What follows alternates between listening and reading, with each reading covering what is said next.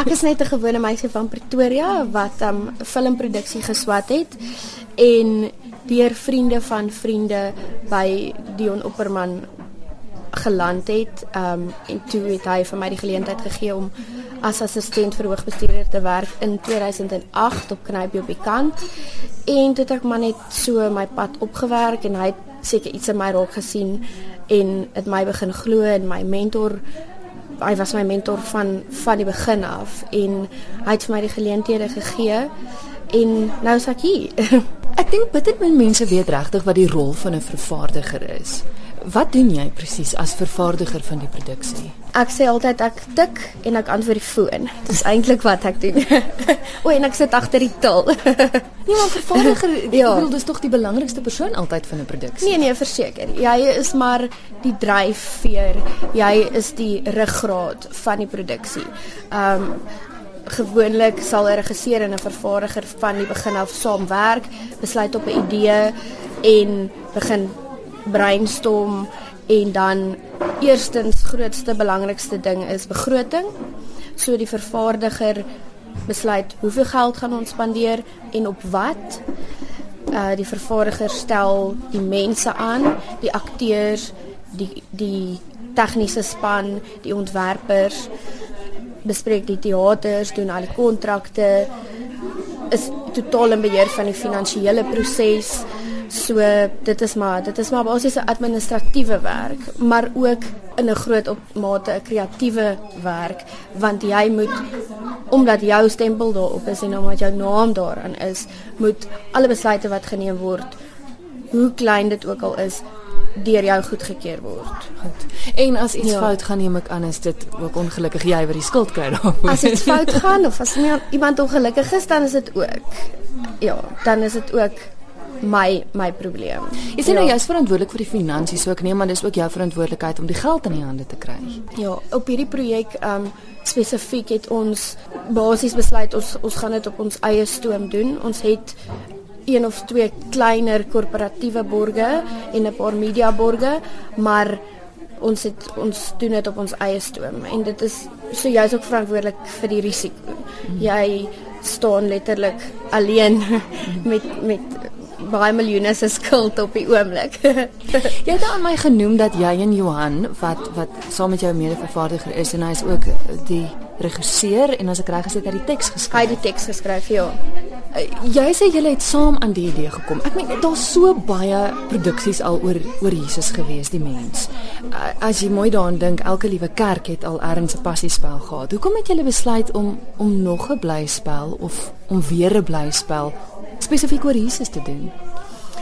Jesus die musiekblyspel was nog nooit in hierdie konteks in Afrikaans as 'n musiekblyspel gedoen nie.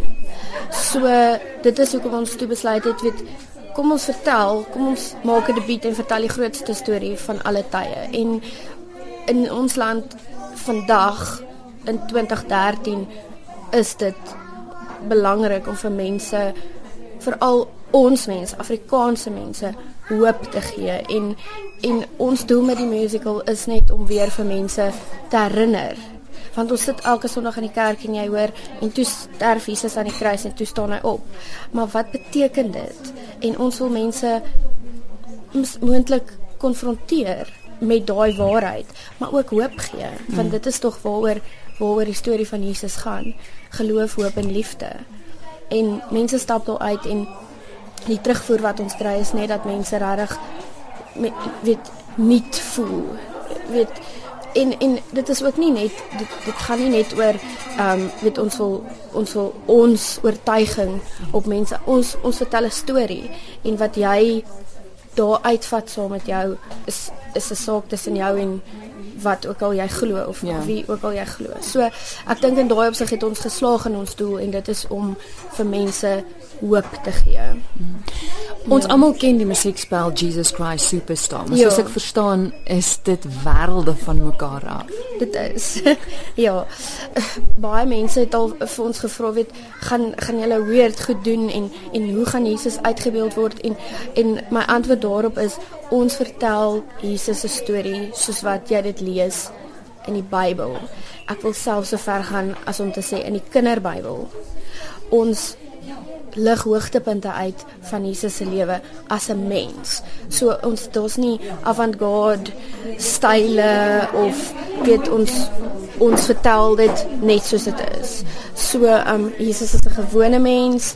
Uh die mense om hom, sy disippels is gewone mense. Byvoorbeeld die kruisiging is maak eintlik 'n baie klein deel van van die hele musical en ons eindig natuurlik met die hemelvaart en dit is alles mooi en en ja. Julle eindig nou met die hemelvaart, maar begin julle by sy geboorte of of waar in sy lewe begin julle? Ons begin waar die engel aan Maria verskyn. So waar waar waar die engel vir sê sy gaan 'n seun hê en dan vir, gaan sy vir Josef vertel. En ons lees nêrens in die Bybel wat tussen Maria en Josef gesê was nie. Dan kan jy nou dink wat daar moes gebeur het. So dan het ons 'n toneel tussen Maria en Josef, dan verskyn die engel ook aan Josef en dan spring ons na waar Jesus 'n jong seentjie is, mm -hmm. waar hy in die strate van Nasaret preek. En dan maak ons 'n oorgang na waar hy groot mens is, waar hy sy disippels kies en dan het ons hoogtepunte uit sy lewe. So dit is 'n baie dit is 'n episodiese musical. Die musiek daarin, is dit bestaande musiek? Musiek wat spesiaal geskryf is vir die produksie? Ons het 'n daar's 'n daar's 'n balans tussen bestaande musiek en musiek wat Jenny Neetling geskryf het. Johan Skols het ook die lirieke geskryf. Uh ons het 'n paar bekende uh, treffers in. Uh Retief Burger se In die arms mm -hmm. is 'n is 'n lied wat Maria Magdalena sing nadat Jesus die geeste uit haar uitgedryf het. Ehm um, dan het ons die Onse Vader, ons het 'n lied van Romans, Hou vas en dan het ons 'n hele klomp nuwe liedjies. En ek dink Janine is net vir my is sy een van die bestes in die wêreld wat musiek aanbetref en sy is net so goed met die die essensie vasvang van van die woorde en die toneel en en wat dit wil sê. En 'n groot ding vir my van van musicals is dat 'n mens moet daar uitstap met 'n liedjie in jou kop, met 'n deentjie en ek dink sy het dit baie goed teruggekry weer eens in hierdie in in Jesus die musiekblyspel. Ons het 'n paar groot name betrokke. Jy het nou Johan Skool se naam genoem, Janine Neetling. Wie's te sien in die rolverdeling want dit is ook 'n hele paar bekendes. Ja. Ek het nou die dag toe sê ek ehm um, vir hulle, ek kan nie eintlik ek sien hulle in die gange. Ek sien die akteurs in die gange dan dink ek is hierdie waar? speel hulle regtig in my musiekblyspel. so ons het vir Heinz Winkler in die rol van Jesus. Ons is baie baie gelukkig dat hy onmiddellik ja gesê het. Ehm um, dan het ons vir Robbie Wessels as Johannes die Doper, die toneel waarin hy vir Jesus doop, het hy ook 'n liedjie geskryf om om deel te maak van die toneel wat mense absoluut gaande is oor. En dit is tradisioneel Robbie Wessel styl. So mense sien beslis sy hand daarin. Dan het ons vir Marissa Drummond, ons het vir Ek wil net sê sy, ja. ek dink nie luisteraars weet nie, maar sy is baie bekend in Isidingo. Ja. En sy speel die aardige karakter van Kimberly. Ja, ja. En dit was nou vir my so interessant om te sien dat sy hierdie wonderlike karakter speel in Jesus. En sy ja. sing soos 'n engel. Ja.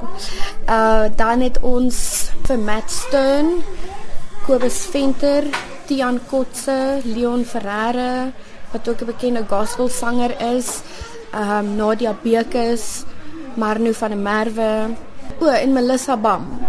Ja, ja, wat soos dit regtig die die room van van die bedryf en o en Jacques Bessinger. Hy hy is 'n baie bekende TV-akteur. En hy was ook 'n ja. slegte mannetjie geweest. Hy was 'n slegte mannetjie. Ja, ja, ja, ja, ja waarvoor hy 'n toekenning gekry het. So so hy speel byvoorbeeld Josef en in die tweede bedryf speel hy Pontius Pilatus. So dit is regtig 'n ensemble werk in terme van mense speel baie karakters. Weet dit lyk of ons 50 mense op die verhoog het, maar ons het eintlik net 27. Julle is te sien by die Staatsteater van Pretoria tot wanneer? Ja. Ons speel tot die 19de Mei. Maar dit lyk vir my asof ek 'n plan gaan moet maak om dalk 'n paar ekstra vertonings in te sit, want die kaartjies verkoop verskriklik vinnig. So mense kan maar net die pers dophou en dan sal ons hulle laat weet as daar moontlike verlenging gaan wees. En ek neem aan dis beskikbaar by CompuTicket. Beskikbaar by CompuTicket, ja, by CompuTicket takke en en aanlyn. Die mense in Gauteng is nou bevoorreg om dit te sien. Is daar planne vir om dit miskien na van die ander provinsies toe te vat? Ek hoop so. Ek gaan nou begin werk daaraan om te kyk of 'n mens moontlik volgende jaar miskien Bloemfontein toe kan gaan en moontlik Kaap toe want ek wil regtig hierdie ek wil hê elke mens in Suid-Afrika moet hierdie musical sien. So ek gaan hard werk daaraan en ek ek onderneem om 'n plan te maak. Dis nie jou eerste musiekspel nie. Jy was ook betrokke geweest by ons vir jou tree aan en lied van my hart. Maar planne vorentoe. Want jy lyk vir my soos iemand met baie planne. Ek het baie planne. Gelukkig is ek nog jonk, so baie energie. Ja, ek het saam met Johan Skols ook al 'n paar planne in die pipeline en dan het ek ook van my eie idees wat ek graag in die toekoms wil wil aan werk, kleiner projekte, maar ook nog 'n paar musicals want dit het so oplewing op die oomblik dat ek dink mense so honger vir nuwe nuwe goed en ja, so nee, daar is definitief planne.